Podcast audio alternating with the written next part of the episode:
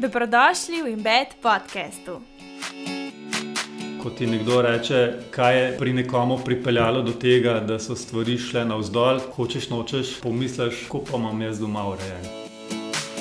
Ali še lahko drug drugemu nudita tisto, zaradi česar sta se poročila, ali je bolje, da si iščeta življenje vsak po svoje. Živijo in lepo zdrav sem skupaj, dobrodošli na Embed podkastu, vsi tisti, ki ste danes prvič tukaj in pa vsi tisti, ki se vsak teden vračate. Moje ime je Klara Leben in sem vaša gostiteljica. Tako da živijo še enkrat, dobrodošli. Danes je spet čas za eno novo tematiko in mislim, da preko tudi takih pogovorov, vsakeč znova, ko se vzameš čas, pritisneš na play in poslušaš različne poglede, izkušnje drugih ljudi, odkrivaš tudi nove dele in plasti sebe. In današnja tematika je ločitev. Ko sprejmeš odločitev, da se dejansko ločiš od svojega partnerja. In verjamem, da za marsikoga, ki je šel že čez to, kot recimo, da so se ločila starša ali pa da je sam. Šel čez to izkušnjo, ali pa še bo, je to zelo ena tako velika preizkušnja. In se o njej seveda ne govori, in zaradi tega sem ravno hotla tudi posneti nekaj na to temo. Ne vem za vas, ampak jaz kot prejem pač družbeno mrežo, sploh zdaj v teh letih, a ne znam letos 28 let stara, se vsi poročajo in imajo pač res čudovite obrede poroke in pač proslavljamo ljubezen. In seveda je to mišljeno res kot eden najlepših dni v našem življenju. In je prav, da pač proslavimo ljubezen in neko združitev na ta način. Verjamem pa, da se marsikdo na drugi strani, ko to gleda, počuti kot da, ne vem, on pa tega nima, da mu nekaj manjka, da vedno vidimo, da imajo drugi boljše, lepše življenje, boljše zveze, lepša partnerstva. Ampak ne vas spomnim, da to ni realnost. To, kar mi posnamemo, posnamemo ta najlepše trenutke. In tudi marsikdo, ki zgleda na videih zelo srečen, mogoče pa v sebi ni. Velika je tako, da se tudi ta naša zunanja podoba ne ujema čist tem, kar čutimo na notar. Ne? Imamo nek ta front, sploh tudi na poročni dan ali pa na neke stvari, ki se snimajo, da želimo biti najboljša verzija sebe. Zato je danes še toliko bolj pomembno, da si vzamemo pa čas za tematiko, ki jo pa skrivamo, ki jo ne damo na oglasno desko, kar se nam dogaja, zato ker je pač. A ne ni nek srečen dogodek, ampak je nekaj, kar smo verjetno rabili kar dost časa, da smo sploh prišli do te odločitve, da je čas za ločitev. Ne? Nekaj, kar sploh, če so zraven še otroci, verjamem, da je to ena izmed najtežjih odločitev, ki jih boš naredil, če seveda si na tej točki, ne? da se odločiš za to pot. In zato je danes z mano Andrej Miklič, odvetnik, se bo tudi sam na začetku še malo bolj predstavil. In poleg tega družinskega prava, danes se sicer, kot sem rekla, pogovarjava o ločitvah, ima zelo zanimivo zgodbo, ker je bil predtem policaj in ima tudi ogromno enih drugih izkušenj z ljudmi. Tako da jaz upam, da bo to, kar je bilo meni zanimivo, zanimivo tudi vam, sploh videti in slišati zgodbe in nekako tudi vse informacije, ki bo marsikomu prav prišle, pa ne samo če se bi recimo ločili, ampak tako nasplošno, da vemo, kakšne odločitve sprejemamo, kaj poroka sploh pomeni v pravnem smislu in kaj potem za sabo potegne tudi ločitev, hkrati pa še. Rečemo vse ostalo, kar prije zraven, od enega počutja, stiske, pa potem, recimo, ko posije sonce na drugi strani. Rečemo. Jaz se toplo priporočam, če so vam te epizode všeč, dejte jih deliti s tistimi, ki mislite, da bi jim prav prišle, če ne iz osebne izkušnje, pa že sami iz ene radovednosti, da si delimo te informacije in da na nek način tudi gradimo skupnost, da smo del nečesa in tudi s tem na ta način, ko deliš, doseže podke z vedno večje številke in s tem tudi lahko dosežemo, rečemo, vedno večje oziroma manj dosegljive goste. Tako da hvala res še enkrat vsem, ki pomagate jaz bom zelo vesela, če se mi javite tudi na Instagramu s kakšnim feedbackom. In um, ja, gremo kar na pogovor. Uživajte. Hvala za povabilo najprej. Sem zelo vesel, ker mi je všeč eh, način vašega dela in vaše podcasti. Mislim, da lahko marsikomu v življenju veliko pomagajo. In sem vesel, da bom tudi jaz danes imel priložnost kaj povedati o tem, kar bo mogoče komu v življenju prišlo prav. Sem pa Andrej Miklič, odvetnik od leta 2017 dalje, delam v odvetništvu. Predtem sem pa že prvo marsikaj drugega tudi. Recimo, da imam pri svojih letih že nekaj življenjskih izkušenj, ki mi pri tem delu zdaj zelo prav pridejo. Kot kaj recimo?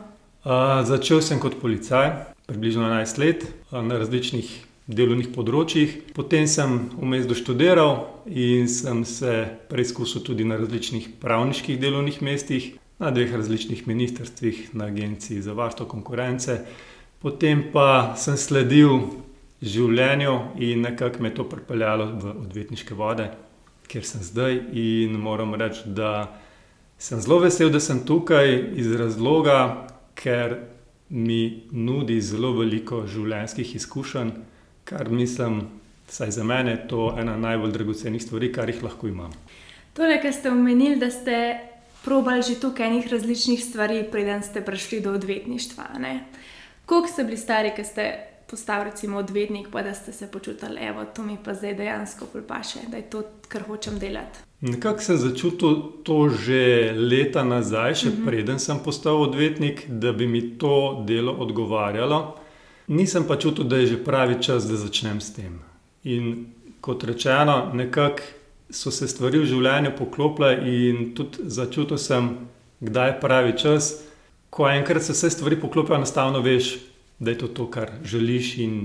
Kaj to v bistvu sprašujem bolj iz tega vidika, ker se mi zdi, da zelo v 20, ki si star 20 let, imaš tak pritisk, da moraš imeti vse pogruntan, pa kako ne veš, kaj boš delal do konca življenja. In da imaš pač nek primer, ko vedno kakršna koli izkušnja taka pride full prav, da lahko vedno pač nadgradiš svoje znanje, da spremeniš nekako svoj poklic, da probaš nekaj novega. Absolutno, popolnoma se strinjam. In tudi uh, ravno imam sina, ki se je odločil, kam bi šel v srednjo šolo, pa črka tudi ne ve, kam bi šla. In uh, enostavno je tako, karkoli se odločiš, je na nek način v redu. Sledi tistemu, kar te sicer zanima, to bi bil moj nasvet, ampak v življenju se lahko premisliš neštetokrat in tudi sam se spremenjaš in lahko spoznaš nove ljudi, nove vsebine in kadarkoli lahko zaideš na drugo področje, če si le dovolj odprt za nova znanja in spoznanja. Uh, in ja, sledi tistemu, kar te zanima in te privlači, ker s tem ti bo lažje ko se boš s stvarmi ukvarjal mm. in mhm. soočal z težavami, ki, ki pa pridejo povsod, karkoli počneš. Čisto vsaka služba in ne samo služba, pa česar koli se lotaš, ima neke pozitivne, pa neke bolj težke, ne vem, če bi rekla, glih negativne vidike. A ne tudi jaz, ki delam, mi ni fajn računovodstva na koncu meseca, ja. pač pošiljati in tako naprej. In glih ta radovednost se mi zdi, da jo kar malo zanemarimo, v smislu, da jo moramo imeti vse pogruntan, ne pa da bi rekli, ok, ne vem, kako bo ta končna slika, končna destinacija izgledala, kaj pa če jaz sledim temu svojemu, uh, te svoje radovednosti in te pol pripelje pač. Slejka prej na neko točko, kjer si zadovoljen, ne tam, kjer si. Drži, pa tudi če nisi, se lahko premisliš, da iščeš nove stvari. Ni, ni konc sveta. In Tako. zdaj, ko je konc sveta, gremo danes na pogovor o ločitvah. Mislim, da je to ena taka tematika, ki se veda glih zaradi tega, ker je tako težka, ker je to neko tako težko obdobje. Noben ne želi deliti javno ali pa se sploh pogovarjati o tem, o stvarih, ki pač niso lahke. In zdaj, trenutno v rečemo, svetu, obdobju družbenih omrežij, vidimo primarno same perfektne zveze na vzven, vidi, kako se ima ta rada v partnerstvu, sploh poroke, to je vedno na veliko, pač seveda, vesel si, želiš deliti s svetom. Ne? Ampak ne govorimo pa dovolj o tej drugi plati, ko se iz te nore ljubezni ali pa neke te pravljice z leti lahko spremeni tudi za marsikoga v nočno moro.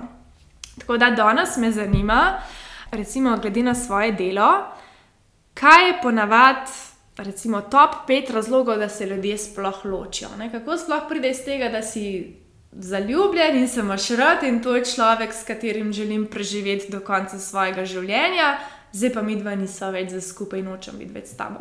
Na to vprašanje ne vem, če lahko dam zelo eksakten odgovor, ker situacije so zelo, zelo različne.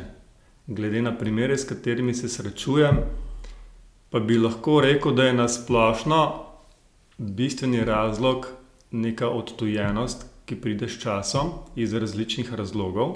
Morda sta kot par soočena z različnimi življenjskimi težavami, morda pa samo se osebnostno spremenita, kar se tako ali tako vsi, in pride do vedno večjih razhajanj.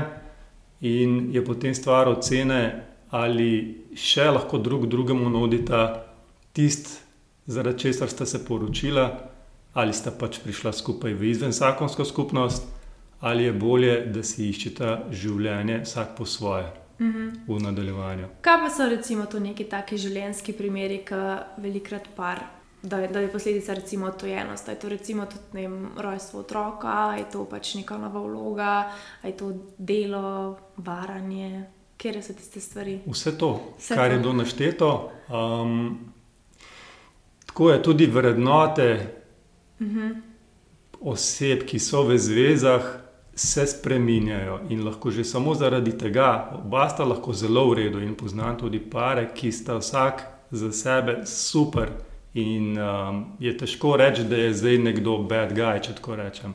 Sploh ne. Ampak enostavno sta ugotovila, da pač nimata nekih skupnih točk, skupnih interesov, in uh, se ne čutita več tako povezana, da bi še ustrajala v zvezi naprej. In ni treba, da je tukaj neko varanje zraven ali pa neka nezvestoba ali kakršen koli drug razlog, za katerega bi nasplošno rekli, da zdaj pa je to nekaj, zaradi česar se moraš ločiti. Ker tudi obratno velja, tudi če je kakšno varjanje, to ni nujno razlog, da greš ta dva na svape. razen. Pač se o tem pogovorita in uh, se dogovorita, kako naprej. Uh, če sta pri volji, oziroma da vidite skupen interes nadaljevati razmerje, bosta vsako vero lahko v bistvu morda izkoristila za še boljšo povezanost. Uh, ali jo bo pa pač ločila, če sta tako ali tako že vsak nekako uh, v razmišljanju po svoje. Meni je to v bistvu tako dosti strašno vse skupaj iz tega razloga, ker takrat, ko si ti pač ful povezan s svojim partnerjem, si sploh ne predstavljaš, da bi bil recimo enkrat odtojen. To je ponavadi v tistem prvem letu, dveh, ki si tako poln hormonov, zatreskan in tako naprej. Pa pa počasi pride življenje ne, in se začnejo dogajati različne stvari, kot oseba sprejemaš različne odločitve, in se mi zdi, da je tudi neka odgovornost vsakega posameznika, da ohranja neko iskrco v sebi in da se mogoče ne zanaša toliko na partnerja, da je pa on, ti si moja sreča in to ti mi možno zdaj pa praktično to, pa uno, pa druge, pa bo moj partner, pa bo moj najboljši prijatelj, pa ljubimec, pa oče mojih otrok, pa ne vem kaj še vse in pol itak si slejka prej nekako razočaran, ker ni možno, da ti to ena oseba vse da. Ampak vse, vse mi je pa to nekako strašno, ker jaz verjamem, da tudi te osebe, ki pridejo potem v recimo vašo odvetniško pisarno, niso si kadarkoli mislili, če so takrat rekli ja pred oltarjem, ne, da bo prišlo do te odtojenosti. In to verjetno ne pride iz danes na jutr, ampak se nekako potiho priplazi v neko partnerstvo. Ja. In kaj je recimo tako, zdaj, ko gledate, zihar slišite tudi kakšne zgodbe, pa to, ne, od teh uh, oseb, ki pridejo. Um, me najprej zanima, ali so te osebe, ki pridejo tako, da jim je zelo težko, je ta ločitveni proces je verjetno zelo težek. Praviloma ja. Okay. Uh, morda je manj težek, če se je že malo daljše obdobje pripravljalo uh -huh. in že ljudje nekako sprejmejo, da je to itak najbolje, kar se lahko zgodi. Običajno so taki pari tudi morda malo bolj um, razumni pri tem procesu. Ko si v bistvu obe strani želita nekaj, samo da se konča to, kar se je recimo Ali dogajalo. želite, ali sta pa pač sprejela to uh -huh. kot neko dejstvo, da ni druge poti. Uh, in se takrat samo še išče pot, kako na nek najlažji, čim hitrejši način urediti stvari, ki jih je treba urediti. Uh -huh. uh, Medtem ko pa, kjer pa vsaj eden od partnerjev čustveno, predvsem čustveno, mm. ni pripravljen tega sprejeti, ali pa ima drugačna pričakovanja, kako bi zadeve uredili, mm -hmm. takrat pa praviloma pride do zapletov, ki jih je treba tudi preko sodišča reševati. Torej, kje ločitve bi rekli, da so grde? Tiste, ki so otroci še zraven, tiste, ki vem, je veliko premoženja za razdeliti. Mogoče tako, vse vem, da posplošujemo, pa da ni, evo, tako je in tako pač je pravilo, ampak sam tako iz vaših izkušenj, kje ločitve so ponavadi tiste, ki so full grde. Kako se lahko. Kaj je tisto, kar je grdo pri ločitvah, a ne primeri, recimo situacije, v katerih se znajdemo? Vsebinsko bi rekel, da ravno to dvoje je lahko največji predmet spora. Predmet v navedencah, ne, pač otroci niso predmet, ampak eh, so, so neko področje, ki ga treba urediti. Otroci so veliko krat, eh, žal, eh, predmet zelo hudih sporov in pa seveda tudi premoženje. Ampak kot rečeno, tukaj ni pravilo, da bi vedno bilo tako. Zelo je odvisno od parov, ki se razhajajo, kako so sposobni stvari se dogovarjati in reševati težave. Mhm. Nekateri zelo v neki prizadetosti, ki je lahko razlog za razhod, čustveno jemljajo v smislu, če vzamemo kot primer varene, ne se mi prevaro, zdaj pa nočem več biti s tabo, zdaj pa. Um, ti bom jaz zdaj vrnila na ta način. Se ti bom maščeval, maščevala, okay. kakorkoli, s tem, da ti zagrenim življenje do konca. Recimo, ne. To je nekako temeljni cilj, in skozi tak pristop ni šans, da pride do nekega razumnega razhoda in dogovora, ampak se praviloma stvari rešujejo na sodišču, slajko prej. Ampak bi tako rekel, glede na svoje primere, da ljudje so kar nekaj časa nesrečni v svojem življenju, preden se odločijo za ločitev. Da se to kar lahko tudi ne vem, leta, desetletja si jaz to predstavljam, da se kuha in da dosežeš šele potem neko točko, ki si tako jaz pač ne morem več, jaz, jaz ne morem biti več s tabo. Lahko bi se strinjal, da glede na primere, s katerimi sem seznanjen, da je to v večini primerov tako. Ja. Mm -hmm. okay. Zdaj, prej, ki ste omenili, se ljudje z nekim razlogom poročijo, in pol pač so neki, recimo, razlogi, zaradi česar se ločimo. Ne? Razlog, da se poročimo, je zdaj v tem obdobju, oziroma v tem, rečemo, v zadnjih parih desetletjih, ljubezen. Ni več, jaz se moram poročiti, da bom preživela. Jaz sem se to z mojo babi pogovarjala, preden je umrla.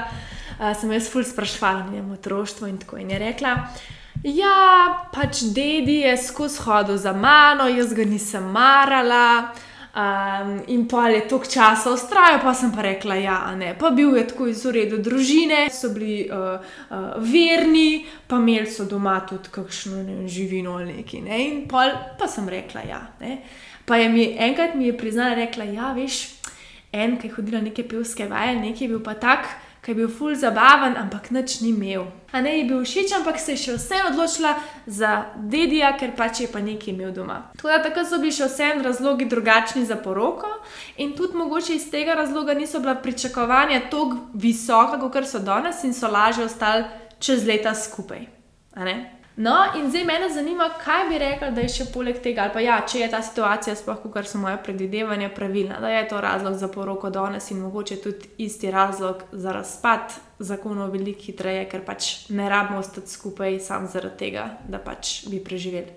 Bom rekel, jaz kot odvetnik težko odgledam. Če, si, če iz sebe izhajam, ja. kaj bi tukaj bilo, je predvsem to, če primerjamo med včasih in zdaj je ekonomska svoboda in um, dejansko imamo dosti bolj enakopravne pogoje mm -hmm. med partnerji, da se lahko odločamo, da smo v ali izven partnerske zveze.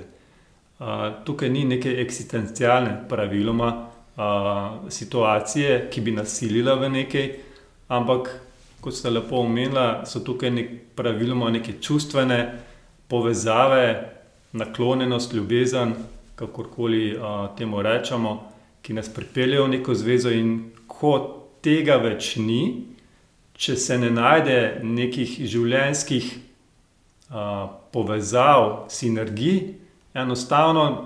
Ne pač, rabiš več, zakaj bom že nekoga drugega spoznal. Tako, ne? Tega več ne potrebujemo in gremo. Je pa tudi to res, da sčasoma se človek zelo navadi in naveže na nekoga. Mm tudi če ni več te zaljubljenosti, zelo močen uh, faktor, ki družine ali partnerske zveze ohranja skupaj, so pa tudi otroci. Mhm. In velikrat slišim v smislu, otroci so že tako veliki in ne rabimo več biti zaradi njih skupaj, zdaj pa lahko gremo na razen. Pa je to prav, da ustraje zaradi otrok. Mislim, da je to tako kot zdaj čisto osebno, ne kot odvetnik. Če se recimo vam zdi, glede na to, kaj vidite, da se potem dogaja v družinah, bi rekla, da je mogoče bolj sprejeti na razen, če je zakon tak, da recimo, ne vem, primer, jaz če izhajam iz psihologije, pa da razmišljam, da bi jaz imela starša, ki se vse čas neki kregata ali pa ignorirata en drugega in je to moj primarni izgled, kako zakon in ljubezen zgleda, pa se pa pri mojih 25-ih ločta, a ne glih takrat, ko se moram jaz zdaj, oziroma je pričakovano nekako družbeno, da se zdaj odločiš, s kom bom pa jaz preživela življenje in to je bil moj izgled, da se bosta ponovno odločila. Ne pač. Še vsem, a je to razlog, ostati skupaj zaradi otrok, res pravi razlog? Če je to edini razlog, bi prej rekel, da ne. Eh, mora biti še kaj drugega. Mislim, saj iz sebe izhajam, pa bi tako um, rekel. Ampak spet odvisno od primera. Če je tukaj veliko prepirov, morda tudi nasilje, -huh. je mhm. vsekakor bolje iti na razen čim prej. Uh mhm. -huh. Ali pa pač se lotiti aktivno reševanja teh stvari, tako da je življenje vzdržno. Ker um, ravno to, kar je bilo omenjeno, zgledi otrokom v takih skupnostih niso dobri, če je ta napetost, ta neka negativna energija prisotna. Potem, vsaj iz mojega vidika, je bolje, da greš na razen in že sam s tem napetost popusti. Mm -hmm. Ko ni tega vsakdanje interakcije, kreganja uh, in ima vsak za sebe nek čas, da se umiri, da tudi kadar so interakcije, oziroma pridejo na, vem, zaradi otrok, se srečujejo je drugačen od nas. Mm -hmm. Jaz, recimo, to, kar se pogovarjam s kakšnimi mojimi prijatelji, ko imajo ločene starše. Um, ena mi je rekla, da je bila tako vesela, ker sta se ločila, ker sta se vse čas kregala. In takrat, pač, ko slišiš ti starši, da se vse čas dereta en na drugega in to ne mhm. eno leto, pa tudi eno leto je ful, ampak praktično celo svoje življenje, a ne si čist v krču in tudi ona je razvila pa fuljenih tako nekih bi rekla, težav, ne psiholoških, žilčni sistem in tako naprej, pač fuljenih takih stvari, ki jih tako otrok tega ne razumeš, ne kaj se dogaja, te, da si ti v neki svoji čustveni stiski. In glej, tako se mi zdi, Tisti, ki ti gre pri svojih starših najbolj na živce, imaš ponavadi najdeš direkt v svojem partnerju, da si unozen, laž, ne, ne, ne, ne, ne, moj partner bo pa drugačen. In pa se mi zdi, recimo, jaz se že zdaj dal javim, da sem pač glihune stvari, ki so mi še najbolj na živce pri moji mami in da skozi težila, zakaj to ni pospravljeno, neki, neki, isto jaz zdaj delamo, ne, pač si zvon in sem kratko, wow, stop, klaro, ne, pač. Mm. Tako da kar uh, hočeš, nočeš pač ta zgled, nam je ful en velik zgled uh, odnos naših staršev in prenesemo to nekako v svoje življenje, kljub temu, da zavedno nekako poskušaš potem iti od tega stran, ko veš, da pač ni dobro za te.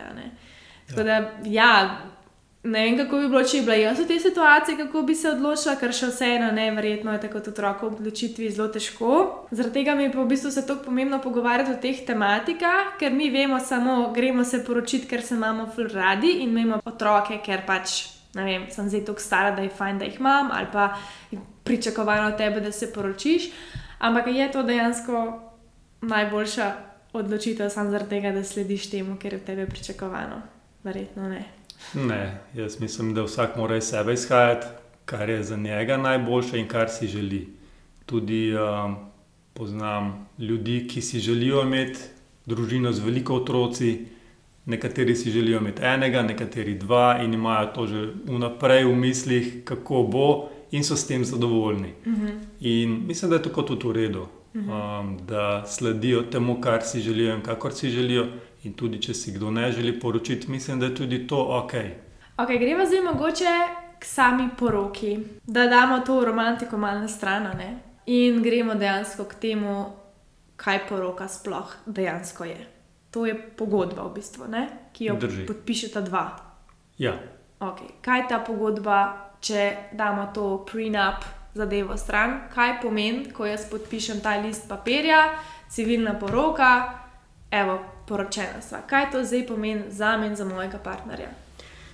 Z pravnega vidika to pomeni, da imata od tistega dneva naprej, seveda, če ni bilo že prej neke izvenzakonske skupnosti, ki bi po um, družinskem zakoniku pomenilo, da kar se tiče nekih premoženskih zadev, uh mhm. -huh pomeni, da je izenačena skupnost, ampak če rečemo, da sta bila prej pač bolj za sebe, z dnem poroke pa nastopi pač zakonska skupnost, ki ima za posledico to, da na podlagi zakona vajna skupnost tudi začne um, imeti učinke na premoženskem področju, -hmm. predvsem, hkrati pa tudi na vzven, kot par, pač je jasno, da sta poročena in vsi vejo, da sta poročena in uradno sta poročena. Če je mhm. izven zakonska skupnost, je sicer po zakonu enak učinek, vendar pa je v primeru nekih življenjskih situacij um, potrebno to skupnost dokazovati. Recimo mm -hmm. pri dedovanju ali pa ko se dva razideta, pa če je neko premoženje skupno nastalo v tem času,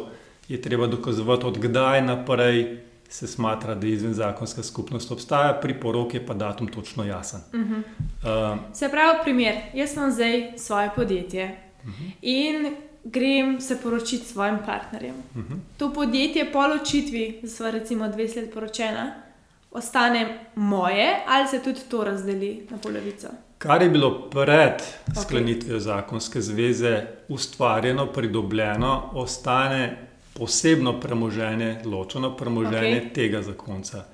Seveda je v življenju potem lahko tako, da en zakonec, partner, pomaga drugemu pri ustvarjanju, pri delu, lahko tudi ne. In od tega je potem odvisno, kako se na koncu. Dokazuješ, da si ti recimo bil zaslužen za 50-odstotni dobiček. Naprimer. Okay. Naprimer. Kaj pa recimo, da okay, sem zdaj poročena in. Uh, moja starša umreta in meni deduje ta ne, stanovanje.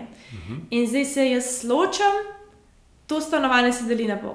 Ne. To tudi ne. Ne, to okay. je tudi ločeno premoženje, ker se šteje po zakonu, da tisto, kar je bilo z dedovanjem ali z darilnimi pogodbami, ali morda kot uh, izplačilo uh, neke odškodnine od zavarovalnice, da, da je to premoženje tistega, kateremu, ki je pridobil to. Mm -hmm. okay. um, če bi pa mi dva zdaj skupaj kupila stanovanje, oziroma tudi če bi dal moj partner denar za stanovanje, pa sta mi dva oba kot lastnika, meni pripada pol. Ne, ravno čisto. Če gre tukaj za del premoženja, ki je bil pridobljen že odprej, uh mhm. -huh. in recimo, če vzamemo hipotetični primer, uh, eden od partnerjev prispeva um, 50% vrednosti stanovanja iz sredstev, ki jih je imel privrčevanih ali jih je podedoval na kakršen koli način, kar je njegovo posebno premoženje, se reče, in je to vložil v skupno premoženje. Uh mhm. -huh. Se pravi, da ostala polovica je pa naprimer s kreditom kupljena. Katerega sta oba vplačevali, ali pa tudi če samo eden, uh mhm. -huh. se šteje, da je pol stanovanja ločeno premoženje, pol stanovanja pa skupno. Okay. Se pravi, šteje, da tisto, kar je bilo pridobljeno v času skupnosti, ali zakonske ali izven zakonske, je um, skupno premoženje, oziroma gre v ta fond skupnega premoženja. Mm -hmm. okay. uh, je pa potem tako, ne, da stvar se zakomplicira, če se iz tega skupnega premoženja, potem, ki je tudi deloma posebno premoženje, pridobiva prihodki, recimo, da se oddaja v najem. Aha.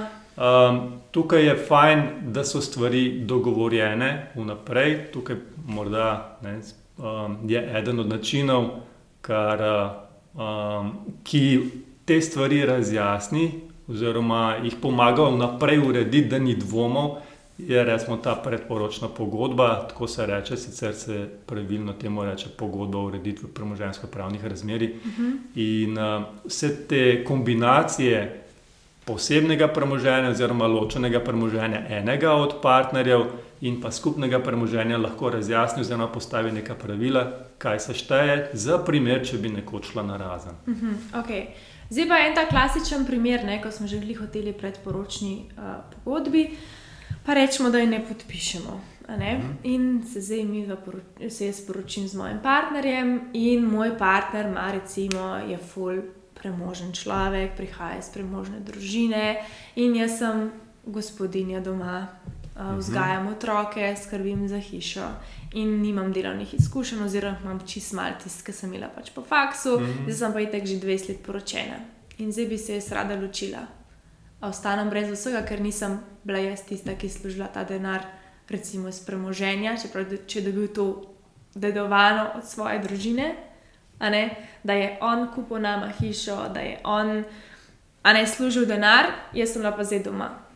Če je bilo večino ali vse od premoženja, kar je nastalo v času zakonske skupnosti, pridobljeno že odprej, potem bi lahko šlo v to smer. Mhm. Ampak praviloma eden ali drugi tudi v času skupnosti je aktiven, pridobiva neke prihodke in vse, kar je z delom ali na podlagi premoženja, ki je pridobljeno, pridobljeno z delom, pridobljeno, se pravi, da se s tem premoženjem upravlja, vse to gre potem v fond skupnega premoženja. Okej. In skupno premoženje pa se deli praviloma na vsakega polovico, tako je po zakonu v osnovi um, določen.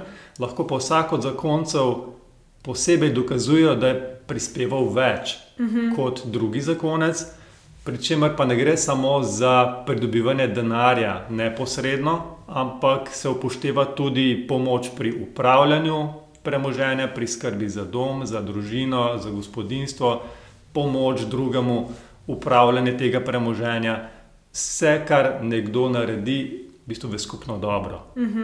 A, Ampak tle se je pa verjetno lahko zgodi to grdo, da se vleče, ja. da se krega. Koliko ja. je recimo najdaljša ločitev, ki ste jo vi imeli, da ste jo speljali?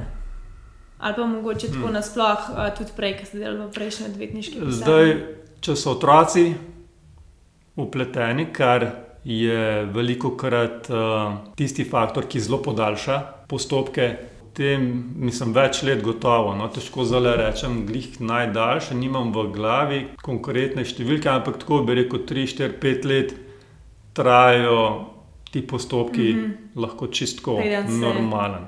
Ločeš. Okay. Preden se ločiš, potem je pa še uh, premoženski vidik, ki se vodi na sodiščih ločeno od družinskega vidika, ta pa lahko traja še dlje. Uh -huh. Uh, ker je zelo veliko dokazovanja, pravno zahtevnih situacij, in uh, postopki na sodiščih v zvezi s tem uh, že v osnovi trajajo dolgo. Pa Če pa je dejstvo je, verjetno- kompliciran, pa pač toliko dlje. Pa dejstvo je verjetno tudi to, da ne, to je zdaj tako, kot v smislu, da okay, to je črno, to je belo. Če je tako, dobiš to. a ne. Ampak grem stav, da se zna to, ne, tudi kakšna siva cona ali pa nekako tako in se da že sam zaradi tega, ker pač nekateri so bolj spretni kot drugi, a ne da se marsikdo dokaže, da pač on pa tega premoženja pa nima, ne, da bi se to razdelili in tako naprej. Ker teh Drži. primerov pa jaz poznam kar velik, ne, da je recimo primer um, oče zelo premožen, drugačen. Ko sta se ločila, je bilo praktično prikazano, sam da ima tisto bajto, ki ste si jo pa mogla še tisto na pol razdeliti. ne. V resnici nepremičnin, kot kar hočeš, a ne pač. Čisto ena, in pol so, seveda, tukaj pa nasrkajo spet otroci in naprej. Ne. Drži, drži. Tukaj um, je treba upoštevati to, da sodišče pri odločitvi upošteva samo tisto, kar je eden od partnerjev, ki uveljavlja neke pravice, uspel dokazati.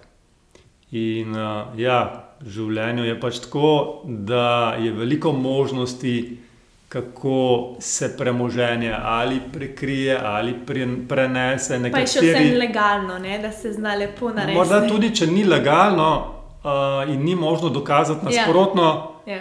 je učinek enak. Uh, in ja, je veliko takih primerov, ki se to dela, v smislu, da nekdo, ki ima premoženje, le tega na tak način um, hrani ali z njim upravlja, da formalno nima nič z njim. In, in verjetno uh, glih v tem primeru, če je recimo nekdo kot gospodinja doma in primarno skrbi za družino, nekdo pa je zelo potem, zdaj bom dala ta klasičen primer, da ne bomo. Zelo ženska več zasluži, ja, ok, ampak da ima primer ženska skrbi kot materinstvo, ima še vse drugačno vlogo kot očetovstvo, a ne za družino doma.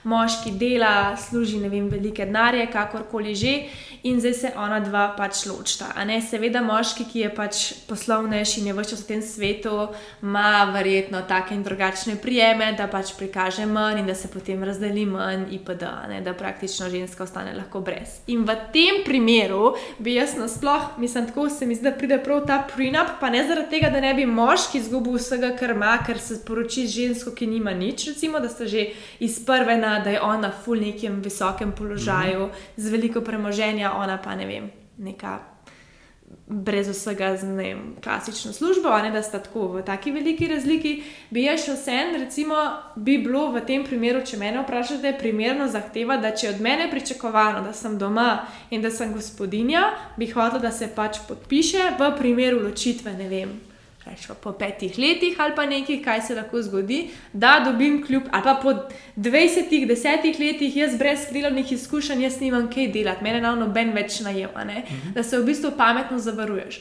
Problem pa nastane, ker se seveda pred poroko, ko je vse lepo, nočemo začeti pogovarjati o teh stvarih, ki pač so težke, ker Bog ne dej, da bi ti pred poroko rekel, kaj pa če ne bo več skupaj, kaj pa se zgodi v tem primeru. Ne? Ja, koliko je dejansko teh prinap zadev, da se podpisujejo. Je to neka klasična praksa v Sloveniji ali sploh ne? Bolj ne kot ja. Uh, šele od leta 2019 z sprejemom družinskega zakonika zakonska možnost pri nas za to sploh obstaja. Aha, ok, to je pa neka zadeva bolj iz tujine, ki jih vidimo v filmih. Tako, nekaj, uh, Kot sem razbral iz člankov, je bila Slovenija ena zadnjih držav na območju Evropske unije, pa recimo tega zahodnega dela sveta, ki je to zakonsko sprejela. In v praksi je teh pogodb še vedno zelo malo. Neki statistični podatki, ki sem jih pogledal, mislim, da grejo tako v zadnjih treh letih med 100 in 200, pa mogoče malo čez 200, uh, ampak na leto, mislim. Um, Medtem ko sklenjenih pogodb je um, porok, je pa ne vem. 5, 6, 7 tisoč mm. na leto, da ne govorimo o izvezakonskih skupnostih, ki niti niso registrirane kot take. To pomeni, da zelo majhen delež parov se odloči za kaj takega. Mm -hmm. Je pa to zelo uveljavljeno, naprimer v Ameriki, Združenih uh mhm. -huh. državah, kjer je to že zelo star institut in uh, je nekaj posebno običajnega, da se dva odločita in to podpišeta. In to ponavadi, recimo v vaši praksi, podpišajo kakšni pari? Predvsem tam, kjer izhajajo ali iz različnih ekonomskih uh, ozadij, ali pa je pač je tako, kot ste lepo omenili, nekdo uh, poslovno zelo uspešen in tukaj ni neke enakovrednosti v smislu, da če bi šla na razen, da so mhm. tudi pričakovanja enega in drugega lahko različna, mhm. ker se konflikte pravzaprav ustvarjajo pričakovanja. Ja, ki pa niso pravilno skomunicirane, oziroma sploh niso. In v tem Tako. primeru ponavadi sploh niso, ker se o tem nočemo pogovarjati. Drži, drži. In to ni v redu, ne? ker če so v zadju pred, pridržki na katerem koli področju, pa je lahko ljubezen še tako močna, slejko prej to pride na dan. Mhm. In uh, moj nasvet je v vsakem primeru, če ne drugega, da se o tem pogovori. In da se nekako uh, vsi, uh, vsa razmišljanja uh, ne, uh, izpostavijo, in dileme in skrbi, konec koncev, ker nekoga bi upravičeno lahko mm -hmm. skrbelo, zdaj bom pač investiral svoj del življenja v, ali pa celo življenje v neko skupnost in če se kaj zalomi, potem bom recimo lahko v nekem zelo slabem položaju. Ker če se pa zdaj le pogovoriva o tem, pa se dogovoriva nekaj, pa najbolje tudi zapiševa, pa ta skrb potem odpade in je tudi sama zveza potem dosti bolj pristna, uh mhm. -huh. brez nekih pridržkov, miselnih ali pričakovanj, ki bi se razhajala med sabo, in uh, je življenje lepše, po mojem. No? Mislim, že iz prve je rdeč, red flag, ne rdeča zastava. Če se ti misliš poročiti z nekom, ne moreš se pa o teh stvarih pogovarjati. Ja. Ali pa recimo se v bistvu nimaš kaj za zubiti, da ti. Primer imaš namen biti gospodinja doma, on se s tem strinja. In ti potem izraziš, da se ti pa zdi fair oziroma smiselno, da pač podpišeš, ker ti si potem čez ne, vem, ne čez pet let, ampak čez dvajset let, ne, ki si starejši, na veliko slabšem položaju, kot mm -hmm. pa on, ki je vse čas delal, kar se tiče našega trga dela. Mm -hmm. In da ti on že iz prve reče, ne, jaz nisem za to, noč ne bom podpisal, pa imaš pa že iz prve svoj odgovor in hvala Bogu si izvedla zdaj, ne pa čez dvajset let, ko boš pač v veliko slabši situaciji. Ne. Drži. Veliko lažje se je na začetku o teh stvarih pogovoriti kot pa kasneje, kadarkoli. Seveda, če sta oba uh, nekako dovolj zrela in dovolj odprta, zato da se lahko o razno raznih stvarih pogovarjata, um, potem se lahko tudi kasneje, kadarkoli to ureja. To ni nujno, da se preden gresta skupaj. Tudi kadarkoli uh, v času trajanja neke zveze se to lahko izpostavi in uredi. Um, ampak, če se dva niti na začetku ne morete tega zmeniti, je po mojih izkušnjah veliko manj možnosti, da se boste kasneje. Uh mhm. -huh. Je pa res to, ne, da če te stvari so dogovorjene in če so zapisane, je možnost konfliktov veliko, veliko manjša. Uh mhm. -huh. Zdaj se je meni porodilo še eno vprašanje, jaz upam, da ni preveč osebno, če je čisto razumem. Ampak kako pa na vas vpliva to delo, da ste v bistvu vse čas svojega delovnika, ne, poslovnega življenja v stiku s pari, ki se razhajajo? Ne, hm. kot, To nikoli ne pride en, hej, živijo, jaz se lahko kdo vrda, jaz se vam danes ločem redko, kdo verjetno prije, vedno pridejo tako z nekim težkim srcem, negativni, pač nek negativno počutje, težko mu je, ponavadi se posebej verjetnosti zgodi, da se še zaupa, fula. Ne? In to, -hmm. to je zihar nekako energijsko težko, moraš znati to nekako presekati, da ne nosiš tega domov. Ja, drži. Um, težko je sicer. Uh, čist odklopiti, ker uh, tudi ko se zvečer malo uležeš, pa, pa ne vem. Počneš kaj sproščajočega, pa ti misel ne hoče preskoči mm -hmm. na, na situacijo, ki jo imaš in jo rešuješ, in seveda želiš stranki pomagati. In uh, možgani v zadju vse čas meljajo in iščejo rešitve, ki si, si jih uh, nekako zadal, da jih boš našel v času dela. Ampak vendarle, um, z nekim ozaveščanjem, da imaš čas, ki pripada tebi in družini, in čas, ki pripada uh, delu strankami, um, ki seveda moraš vse čas to ozaveščati, uh, se da nekako to uh, ločiti, ne pa čist. Mm. Saj jaz tega ne zmorem. Na koncu smo še vedno ljudje, ne? Ja, drži, na drži. isti način delujemo, si pač ne moreš ja. pomagati. Ja. A je kaj, recimo, še en tak primer, da se hočeš, nočeš nekako čustveno navežeš na situacijo, da vem, je potem ta oseba, pa veš, da je na drugi strani fuljenih, mučkan in da bo potem, recimo, vem, ta oseba ostala brez vsega.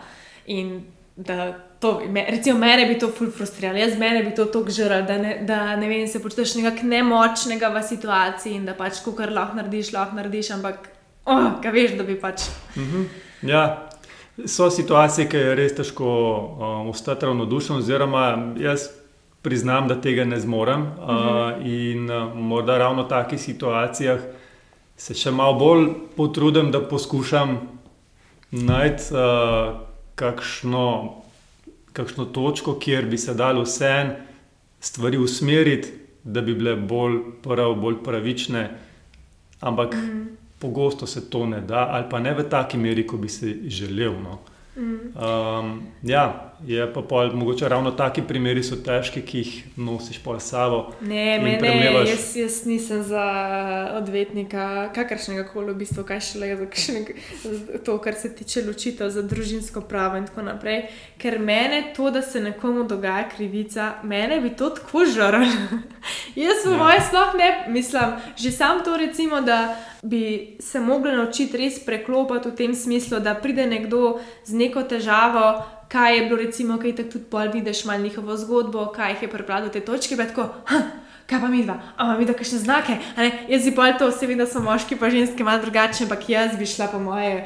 Ne, kako lahko, da mi da ne bo do tja prišla. Vse tako, da, da je res težko to uno presekati, odklopiti in biti, kar se le da racionalen, da ne nosiš tega domov. Ne. Res je, res je. Je pa tudi to res, da ko obravnavaš neko situacijo, hočeš nočeš, uh, pomisliš, kako pa imam jaz doma urejen. Uh mhm. -huh. In uh, ko ti nekdo reče, kaj je recimo, pri nekomu pripeljalo do tega, da so stvari šle navzdol, avtomatično pomisliš, kaj bi lahko naredil, da tega ne boš sam doživel. Uh mhm. -huh. In uh, ja, to so te primeri, ki ti dajo življenjske izkušnje in za katere sem pravzaprav vesel, da se z njimi ukvarjam na način, da jih srečujem pri drugih, ne pri sebi, uh -huh. kakorkoli se to mogoče malo sliši, um, ne vem, sebično. Ampak uh, se pomagam, seveda, v vsakem primeru po svojih močeh, ampak uh, veliko pa se naučiš o življenju in uh, pristopati k problemom na način, ki so življenjsko primerni ali pa najboljši. Pač vsaka izkušnja ti prinese nekaj tega. Verjetno je bilo tudi takrat, pa delo pri policiji, bilo veliko takih primerov, da ja. je imel kakšnega nasilja doma ali pa kaj. Ne? Ker, ko se jaz pogovarjam s kom, ki dela v teh vodah, a ne pri nas v medije pride res samo na nekaj, kaj je fulodmevno ali pa nekaj. Koliko enih umorov se v resnici dogaja v družini, a ne, ne moški ustrel svojo ženo ali obratno, ne, nekaj, ali pa kaj zvem, kaj ne, mm. take stvari, nasilje v družini, spolno nasilje, spolne zlorabe. Pač vse to in da delaš pač s tem, jaz vsaka čast vsem vam, ki se pač ukvarjate ali z ločitvami ali pa s. Ne vem, to, da, da vidiš, da se nekomu podira življenje, ali pa da je v nekem takem ne, obdobju, ko je res, ki se ti zdi, da je konc sveta, se mi zdi, da pač moraš imeti res neko tako poslanstvo, da se čutiš poklican ga nekaj takega delati, da zdržiš vse ta stres, ki ga hočeš, nočeš preneseš pač na svoje telo. Mm, mm, se strinjam, pa kar se medijev tiče, ki ste jih ravno omenili. Um, v bistvu bi si želel, da je tega v medijih manj. Mm -hmm, še manj. In, Še manj iz razloga, ker eh, sicer po eni strani razumem medije, da to izpostavljajo, ker to prinaša večjo bralnost in gledanost in pozornost, ker ljudje se mi zdi, da um, s tem odvračajo svojo pozornost od problemov, ki jih imajo sami, ali pa si mislijo, da se, evo, se pa moji problemi pa niso tako veliki, mm -hmm. tam se je pa tako hudo zgodil mm -hmm. in se morda že zaradi tega malo bolj počutijo. Ampak bi si želel, da se govori več o pozitivnih primerih, mm -hmm. več o zaveščanju, več o tem, kako stvari urediti, ne pa izpostavljati tisto, kar je najbolj je, ja. Ja. slabo, kar je možen. Pa je v nekih tračih, ločila sta se, ne pa recimo pet na svetu, kako izboljšati povezanost v ne vem, odnosov ali pa nekaj podobnega. Ja, okay. ja. Super. Zdaj pa zanima še malo na finančni strani. Zdaj, uh, verjetno, seveda, to varira, odvisno od primera, ampak minimalen strošek za neko čist klasično ločitev, kakšen ponavadi nanese na osebo. Mm, zdaj, v idealnem primeru, nič. Nič sam podpiše ta intervju. Mogoče je edino notarski zapis o delitvi premoženja. Uh -huh. um, in je to to. Zdaj, če so seveda skupni otroci, mladoletniki, jih je treba preživljati, ne gre samo z notarskim zapisom.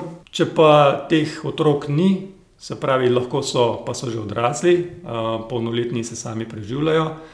Potem pa gre to samo preko notarja, lahko s podpisom sporazuma o delitvi premoženja ni tak vlazen strošek, nekaj 100 evrov, odvisno od velikosti premoženja in je to to. Uh -huh. uh, in kadar sta dva dovolj razumna, da uspeta nek sporozum skleniti, je to pravzaprav na naj, najlepši, najboljši primerov? način. So primeri. So. Ja. Ne vem, koliko je teh primerov, ker ti do mene ja. ne pridejo. Ja. Ja. Ampak uh, vem, da so. Um, včasih mogoče tudi zaradi tega, ker se kateri od zakoncev oglasi po nasvet, kako bi bilo možno stvari urediti, kako je po zakonu razložiti situacijo in mu potem povem, kaj bi v primeru, če bi šli na sodišče, bilo za pričakovati, kakšna bi bila rešitev, kaj bi se smatralo ločeno premoženje, skupno premoženje in kako bi se delilo skupno premoženje. In potem to vzamejo kot neko osnovo za dogovor, oziroma za njun sporazum. In so taki primeri, in uh, takim tudi najbolj z veseljem pomagam, ker uh, se mi zdi, da če se dva na ta način razideta, da če že mora do tega priti, je to najboljš, kar je v tej situaciji mogoče. Mm. Medtem pa tisti, ki pa so že nekako nastrojeni in so že tako v sporu, da nekako ne vidijo več možnosti, da bi se sporozumno zadeve uredile, tiste so pa ja, ta najbolj težavne. V kakšne številke gremo to? Tako, sam primer, do kam lahko to seže tudi. Številke v smislu stroškov. Ja, do Aha. kam to dejansko lahko to sega. Zelo je odvisno. Če je veliko premoženja in mogoče v kombinaciji z mladoletnimi otroki, v vsakem primeru več tisoč evrih. Uh -huh. uh, tako da tukaj, ne vem, 2-3 tisoč evrov je, je premalo. Uh, ker so to običajno dolgotrajni postopki, je treba večkrat na sodišče hoditi, piše se ogromno število vlog, dokazuje se. Um, Trditve, seveda, pogosto so zelo nasprotujoče, in kadar so nasprotujoče, je treba še dodatno tako nekih aktivnosti, da se vsaj približno ugotovi realno stanje. Ker če nekdo zelo pretirava, kar se nažalost dogaja, tudi zelo nerealno, v, v neko smer, in um, mora potem seveda drugi odreagirati, ker sicer sodišče dobi zelo nepravo sliko dejanskega stanja in bi tudi odločitev bila zelo napačna. Tako da je treba biti vse čas aktiven in se truditi uh, dokazati pravilno dejansko stanje, oziroma kot iz sebe izhaja vsaka stranka, da je pravo. V vsakem primeru stvar, pri kateri na nek način oba partnerja nekaj izgubljata. In uh, bolj je ta traumatična, bolj je konfliktna, več oba izgubljata.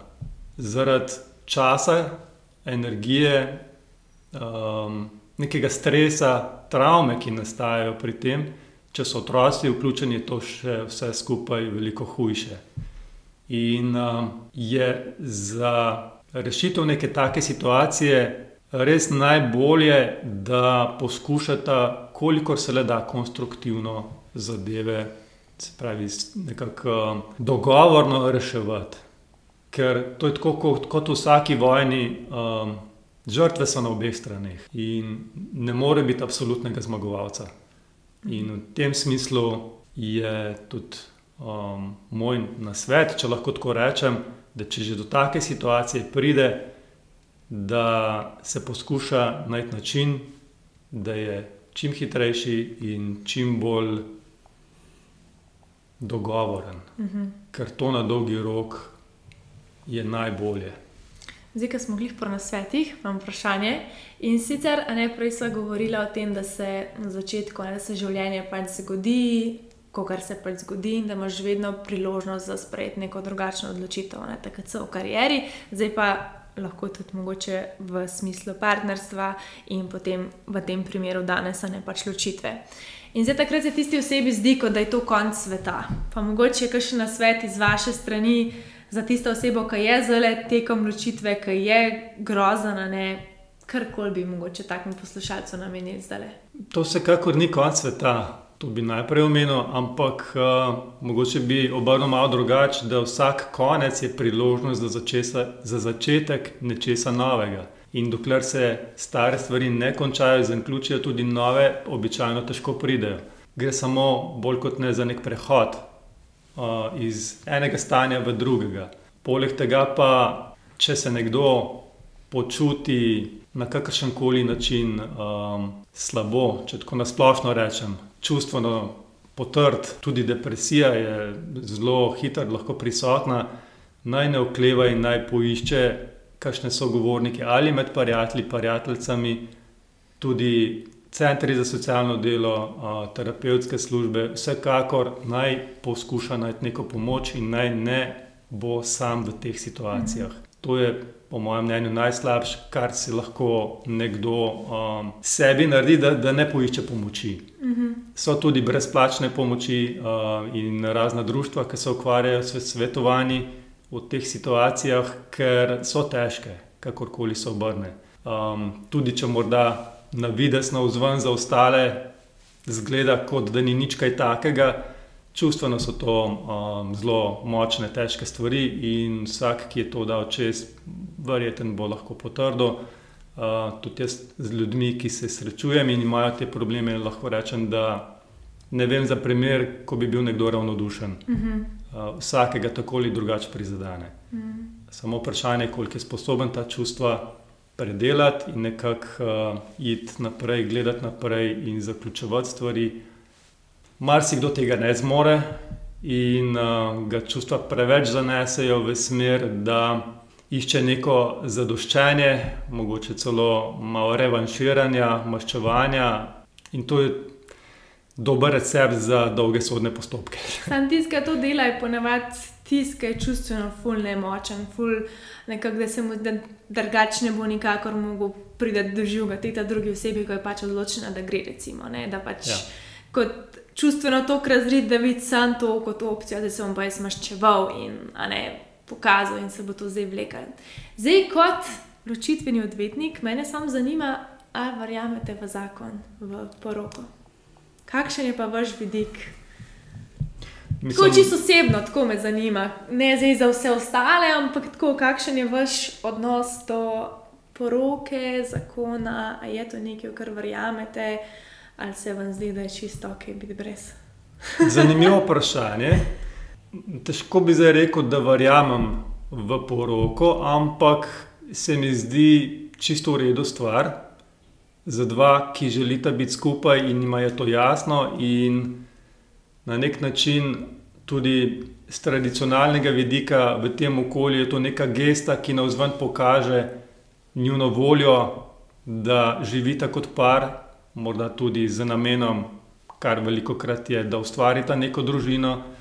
In uh, je to pač neka gesta za vse, in tudi do njiju med sabo, da s tem nekako svojo namero manifestirata na vzven.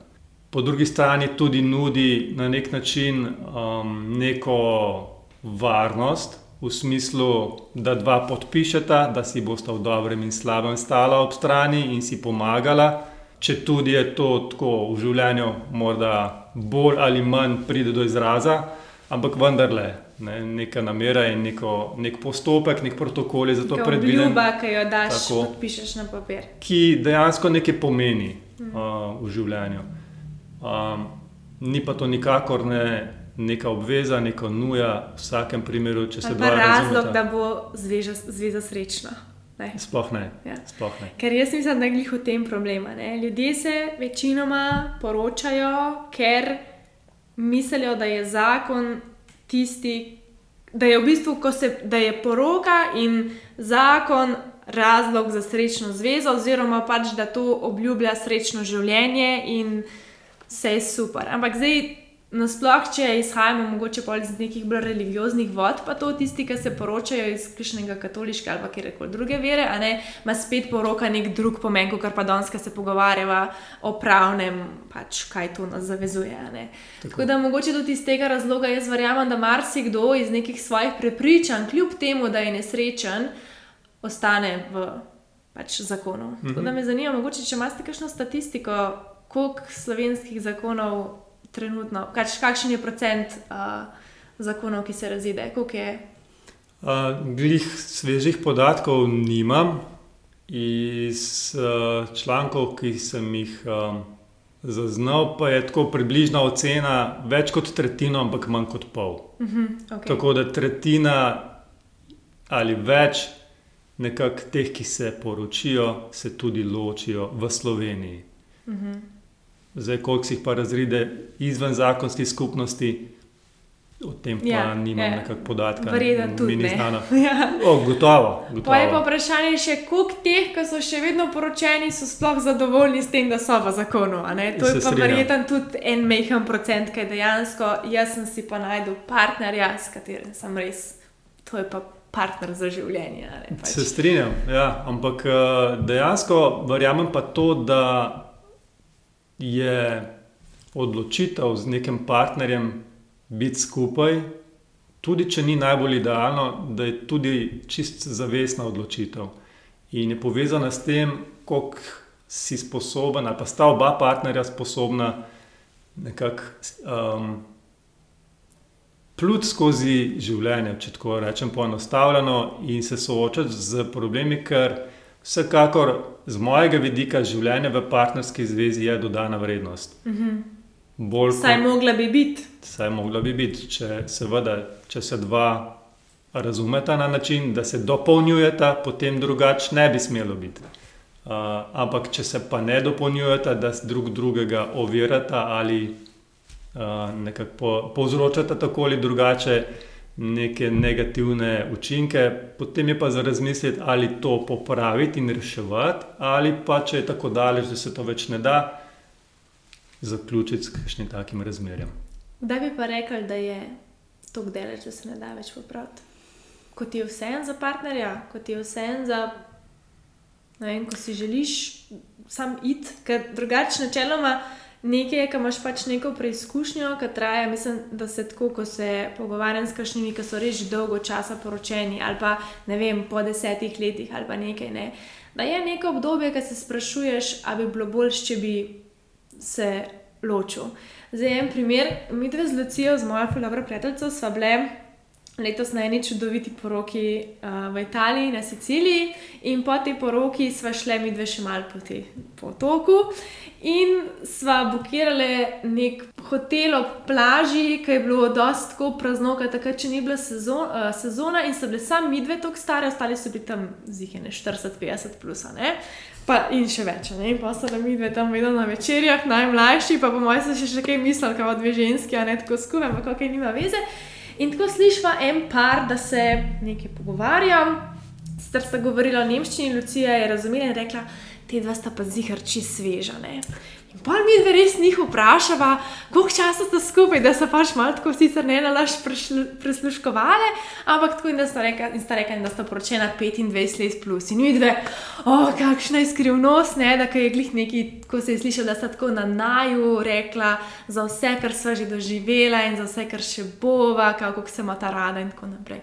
No, in pa sem jaz kar direkt vprašala ta par, sem rekla, a pa a je bilo kdaj tako, da sta se hotla ločiti, da sta rekla, zdaj pa iz tega, dosti se pa iz tega ne grem več. In sta rekla oba, da ja. Pač, ne samo enkrat, večkrat se zgodijo še take situacije, ko si tudi ti sam kot posameznik nezadovoljen s svojim življenjem. Ne? Ali pa ne vem, je pač neko težko obdobje, on vas je izpostavila, ko so šli otroci vsi v šolo. V glavnem, tako, ampak da sta pač bila že takrat oba dva, le zdaj pa bi bilo lažje, da, da pa mi dva nismo več skupaj. Ampak iz nekega razloga sta očitno še vedno ustrajala. Ne? In je pol neko tako vprašanje, da pa je res dost, da pa je res uno, jaz ne morem več, zdaj pa čas, to je nepopravljivo, zdaj pa čas, da se ločimo. Mislim, da tudi tukaj uh, ne morem dati enoznačnega odgovora, ker smo si zelo različni med sabo in uh, v različnih zvezah je lahko različna stopnja ne vem, nesrečnosti, če ja, ja, ja. lahko rečem. Ali pa da se navadiš, uh, da si pač nesrečen ja. in pol si zagrenjenci v svoj life naprej. Ne? Tako. Ja, ta primer je zelo dober, ko se ga izpostavlja, ker uh, se strinjam s tem in tudi iz vlastnih izkušenj vem, da nobena zveza in razmerja ni samo fajn, um, da je vsak dan lepo, ampak da so dobri in slabi časi. In, uh, če dva znata skozi slabe čase nekako ohraniti nek odnos, potem je to tisto, kar bi rekel, da je morda dodaten razlog, da se morda ustraja nekaj dlje časa, kot pa če en, rekel, nek, nek najmanjši. Uh, razlog, okrog katerega se ne strinjata, prinese neke hude spore in prepire, in uh, se to vleče in ne znata skomunicirati in rešiti, morda je potem to razlog več, da se razmišlja o alternativah ali da se poišče morda pomoč. Uh, vsekakor je pa, mora biti pa interes obeh. Če je to samo interes enega, da se neka zveza ohranja, ne more biti na dolgi rok uspešno. Mm -hmm. Se pravi, da je ta enostranska zadeva, pa predvidevam, če bi zdaj posplošila je razlog za ločitev mogoče tudi to, da je partnerstvo oziroma odnos, ki ga imaš s partnerjem, dlje časa v nasprotju praktično z vsemi tvojimi vrednotami, oziroma večino njih. Mm -hmm. Kaj se pa, kot smo rekli, lahko skozi življenje kar da spremenijo? Ja, po zakonu je že uh, neuzdržnost v neki zvezi razlog, da greš ta dva na razen. Mm -hmm. uh, neuzdržnost je pa nek splošen pojem, ki je lahko za vsakega drugačen. -hmm. Že to, da mogoče uh, na nekomu drugega moti neka stvar, je lahko zadeva zelo neudržna. Naprimer, ne vem, kdaj zjutraj vstaja ali pa gre spat ali pa ne ga moti pri spanju ali pa. Čisto tako banalne stvari, ne pospravi za sabo, kakšnih stvari je lahko za nekoga blazno neuzdržno. Ampak to je pa spet odgovornost vsakega posameznika, da neko, ker to je pač banalna stvar in če je to razlog za razhod, Bog pomaga, ker v vsakmu drugemu čisto ne. Da, ker je to, se mi zdi, da je dejansko glavni problem, da se ljudje krivimo vedno drugo osebo, zakaj je to slabo. Pač ok, pustimo nasilje, pa neke mm. res slabe situacije, ali pa da res sta čist nekompatibilna, ali pa nekaj tako ne. Ampak tako da. Ves čas vidimo, sam, kaj dela, se tudi v mojem razmerju je pač čisto, pa verjamem, da je vseh ostalih, da ta prva stvar, ki zaznamo, je, da nas nekaj moti na drugi osebi, kaj mhm. on dela na robe, zakaj se ti meni posečeš, zakaj si ti bil več na telefonu, resnici sem jaz tudi na telefonu, a ne pač take stvari in ves čas v bistvu. Mm, je kao on kriv na mestu, da bi pa rekel, ok, kaj pa lahko jaz naredim, da prispevam k temu odnosu, da poskrbim za drugo osebo, da sem jaz se dobro počutim kot oseba. Kaj lahko naredim, da me pa mogoče te legate na tleh najo tako motile, kot ker me da je to razlog za ločitev. Ja. ja. Ok, zdaj pa za konec, zdaj pa res konec. bi pa mogoče kakšen na svet. Kako se ne ločiti? Kaj so mogoče stvari, ki bi jih svetoval, mogoče iz svojega osebnega življenja ali pa seveda tudi iz svoje prakse, kakšne rutine, nasveti, karkoli, da bi pomagali pri tem, da je razlog, za, oziroma procent možnost, da se boste ločila manjši. Hm. Zanimivo vprašanje. Mm, morda bi tako rekel, da zvezo, partnersko zvezo najbolj ohranja rekel, na nekem pozitivnem nivoju je posvečanje pozornosti en drugemu, pa to ne pomeni vse čas, ampak da ne rabijo biti to velike stvari, ampak kakšne manjše stvari v smislu, da nekdo nekomu ne vem, skuha čaj ali pa da, da ga pohvali, si vzame čas za čvek, za pogovor ob kavici. Ali pa ne vem, ena gospa lepo rekla. Jaz sem ga imela tako rada, ko je pač že, že sicer uh, kasneje, ki je premenil. No. Iz tega razloga, ker je bil tako prijazen do mene in si je vedno vzel čas za kavo z mano. Čisto taka stvar, sploh ni ja. bilo tako zelo pomemben, ampak ta pozornost, ki si jo izkazujemo in ki nam daje dober občutek. Če imamo take pozitivne trenutke, ki so nam fajn, se mi zdi, da tudi karkoli pride slabega, neki, neke stvari, ki se ne strinjamo okrog njih. Če imamo to pozitivno naravnanost, veliko lažje našem, najdemo rešitve, skomuniciramo stvari. Tudi če se ne strinjamo, to ne pomeni, da se moramo skregati. Uh mhm. -huh. pač lahko ima vsak svoje stališče, uh, tudi kar se otrok tiče. Um, ni nujno, da se vsem strinjata. Vzgoje je verjetno in vsega. Naprimer, velikrat je tako, da se ne strinjata, ampak najdete kompromise v smislu, da okay, to bo bolj po moje, to bo bolj po tvoje, uh, ali pa se pozanimate o tem, kaj je bolje pri nekomu tretjemu, pa rečete, da okay, bo tako naredila, kot kar nekdo drug tretji misli, če se mi dva čist ne strinjava. Glavno se išče rešitve. Um, in v takem vzdušju, nekako se mi zdi, da so stvari, um, če se na ta način odvijajo, imajo dosta veliko možnost, da so trajne uh -huh. uh, in da vzdržujejo neko pozitivno vzdušje, podporno okolje. In uh, že tudi mogoče to, da kdaj drugemu daš kakšen kompliment, ga objameš. Ker tako malo mimo grede. Ker tako mimo grede, brez kakšnega razloga dva meseca ženici, ki so se kregali, ne vem, kdorkoli to posluša, pa prid do nas, pa objem ali pa neko pohvalo ali pa nekaj. Jaz, recimo, opazam, ki mi gre, sicer pri ženskah je to tako na podlagi našega cikla, da smo kdaj bolj iritirani. Recimo, jaz, ko sem kdaj veliko bolj iritirana nad mojim partnerjem, recimo, on to zna ful dobro handlati, zaradi tega, ker. Ne, kaj jaz kaj provociram, on je provociral nazaj, ki je veliko bolj miren kot jaz, ne jaz, pač nisem malo odmirne. No, in on je takrat pa sam še bolj prijazen in še bolj nežen. In pa sem kar naenkrat jaz prijazna in nežna. Tako, mm. Pa mi vzame vrečko, pa jo on nese gor, pa mi odpre vrata, recimo. Pa tudi če mi jih ne vedno, se mi jih ne vedno, ampak tako se kdaj spomne. Pa ne, ne, ne, počakaj, bom jaz vrata odprl, že kao, ha, ha, ha, ne, mal smešen. In to so tiste stvari, ki pa se mi zdi, da nekako raznežijo ali pa nekako. Uh, vzpostavijo spet neko to pove, povezanost, če zaradi neke take mehke malenkosti. Uh mhm. -huh. Če je bila pa mi to oba taka, kot jaz, ki sem pa recimo veliko hitrejša naravnana k temu, da sem tako, ne, ker me oni ubijo, pa tudi jaz ne bom. Palce pa zaciklaš glih v to, da noben noče biti ta prvi, ki to naredi. In pol smo slejka pri na neki res odtojenosti, ne zaradi tega, ker pa mi ti nisi tega naredil, pa tudi jaz ne bom a ne dala nazaj. Ne. Ja, in ja. to je po mojem tisto, kar imamo ponos. In za naš pol ne pridemo naproti tej drugi osebi. Pa še eno stvar sem se spomnila, mes, ki ste to le govorili. Pač jaz imam tri sestre, moja starša sta zdaj že 30 plus let poročena, sta tudi uh, v katoliški veri, tako da tudi to je nekaj, kar jo povezuje že od vsega začetka, tudi neka načela in tako. In vsaka od nas štirih, a ne sester, smo si različne. In glih tega, ki sem jaz odraščala, se spomnim, moja mama je knjižničarka, nosila dam knjige, da je brala, kako skupaj vzgajati težavne najstnike. Neke take stvari, kako, kako kot par držati skupaj in svojim otrokom predstaviti kot enotnost ali nekaj, ne kljub temu, da se mogoče ona mhm. za zaprti vrati nista strinjala. In se spomnim jaz mojega očija, ki je bil pa vedno moram mami vprašati, ali pa nekaj tako počak, pa je šel ne tako.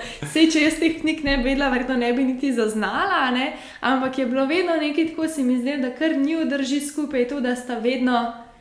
Ali je bil mami bolj trmasta kot oči, nekako najdla pa nek tak skupni kompromis, da pač je tekel, kot se da da. Pa vedno ni bilo vedno super. Ne? Tudi jaz se spomnim, da so se tudi ona dva ne vem, da skregala. Pa sta recimo zdaj, ki jo gledam zadnjih, ne vem, pet, deset let, ko smo mi vse že odrasle, spet nekako našla njuno partnerstvo, ne samo kot jaz, mama, ti si oče, skrbiva, da preživimo, ne praktično štirimi puncami, verjamem, da ni bilo mhm. lahko.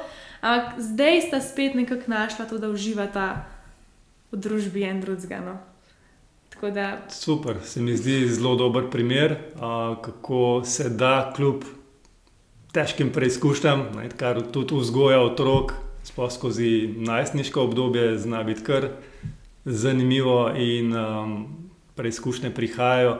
In uh, ja, tudi z izobraževanjem, z branjem knjig se da marsikakšno zagato rešiti na način, da dobiš nove informacije, uh, ki ti pomagajo pri, pri razmišljanju o iskanju rešitev. Okay, hvala lepa. Zdaj pa prosila še eno misel, karkoli bi želel sporočiti današnjim poslušalcem, poslušalkam. Mm, če se navežem na, na vprašanje o tem, če verjamem v zakonsko zvezo ali ne, bi še dodal to, da smo si ljudje zelo različni. Nekomu morda to veliko pomeni, nekomu manj. Ampak kar se mi zdi bistveno, je to, da izhajaš iz sebe In uh, da tudi, če smo včasih negotovi, da se ne ustrašimo nekih novih stvari, pa morda tudi iti v zakonsko zvezo, ali pa se odločiti, pa reči, ne grem, ampak da si drzneš v življenju probati stvari. In uh, tako kot smo se morda prej pogovarjali o tem, ali se odločiš za en poklic, pa drug poklic, pa kariero, vem, uh, pa šola, pa bo to zdaj za cel življenje. Ja, verjetno, da ne. Sploh v današnjem času. Ker se zelo hitro stvari dogajajo in spremenjajo, se hitro lahko najdejo nove priložnosti in možnosti za izkušnje. Saj meni osebno veliko pomeni, da imam možnost v življenju čim več probati, čim več izkusiti, ker se mi zdi, da me to bogati. In da je to na nek način tudi smisel življenja. In tudi skozi partnerska razmerja, pa me ne narobe razumeti, ne zagovarjam več partnerstva, v smislu, da, da je treba čim več partnerskih razmerij probati. Ampak, če se ne počutiš dobro, če to tudi z nekim poskušanjem rešiti, mogoče ne, ne, neprijetna partnerska razmerja, se ne izide, pač potem je najbolje, da se razideš. Če pa pride do situacije, da se razideš, pa vsekakor priporočam in svetujem, da se stvari delajo dogovorno, sporazumno. Iz uh, vseh možnih razlogov, pravzaprav sploh ne vidim razloga, zakaj bi nasprotno od tega, nekako skozi konfliktnost poskušal zaključovati partnerska razmerja ali ločitve speljati. Tudi če je treba poiskati nekoga, ki ti pri tem pomaga, obstajajo službe, ki se s tem ukvarjajo, da pomagajo, morda v prvi vrsti pri svetovanju družinam, da rešujejo težave, če se pa tega ne da rešiti, pa pri procesu ločitve. Tudi v zvezi z otroci, centri za socialno delo imajo prav službe za to, so tudi razna društva, ki pomagajo. Na sodiščih so medijatori, medijatori so tudi izvensodno aktivni, oziroma se je možno pri njih oglasiti in pomagajo, zelo pomagajo, lahko tudi pri precej konfliktnih situacijah. Edini pogoj je, da oba dva želita zadevo rešiti preko, recimo, medijacije ali na sporozumen način. In tudi, če se zelo ne strinjata, veliko krat se preko pomoči tretjega najde rešitev za nek dogovor.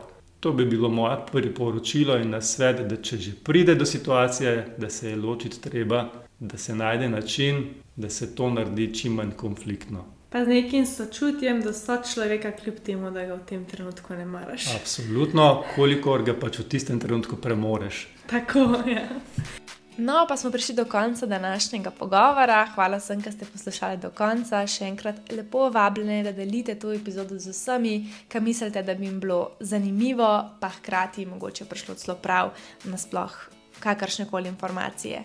Meni so odnosi zelo zanimiva tematika in, kot sem rekla, ga ni enega odnosa, ki bi bil čist isti pri dveh parih, sploh zaradi tega, ker smo že kot posamezniki, vsak od nas drugačna oseba. In kljub temu, da smo vsi tako drugačni ljudje, se pa še vsem znajdemo v podobnih situacijah. In te podobne situacije. Potegnejo tudi podobne občutke. Tako da, ne glede na to, kako se ti zdi, da si mogoče sama v neki situaciji ali pa neki svoji osebni stiski, se sam spomnim, da je ne da le stran še nekdo drug, ki se sooča s skoraj isto situacijo kot ti. Tako da, hvala še enkrat, ker si poslušala do konca. Najdeš me na Instagramu klara.leben. Lepo te pozdravljam in se spet slišmo v naslednjem pogovoru. Ciao!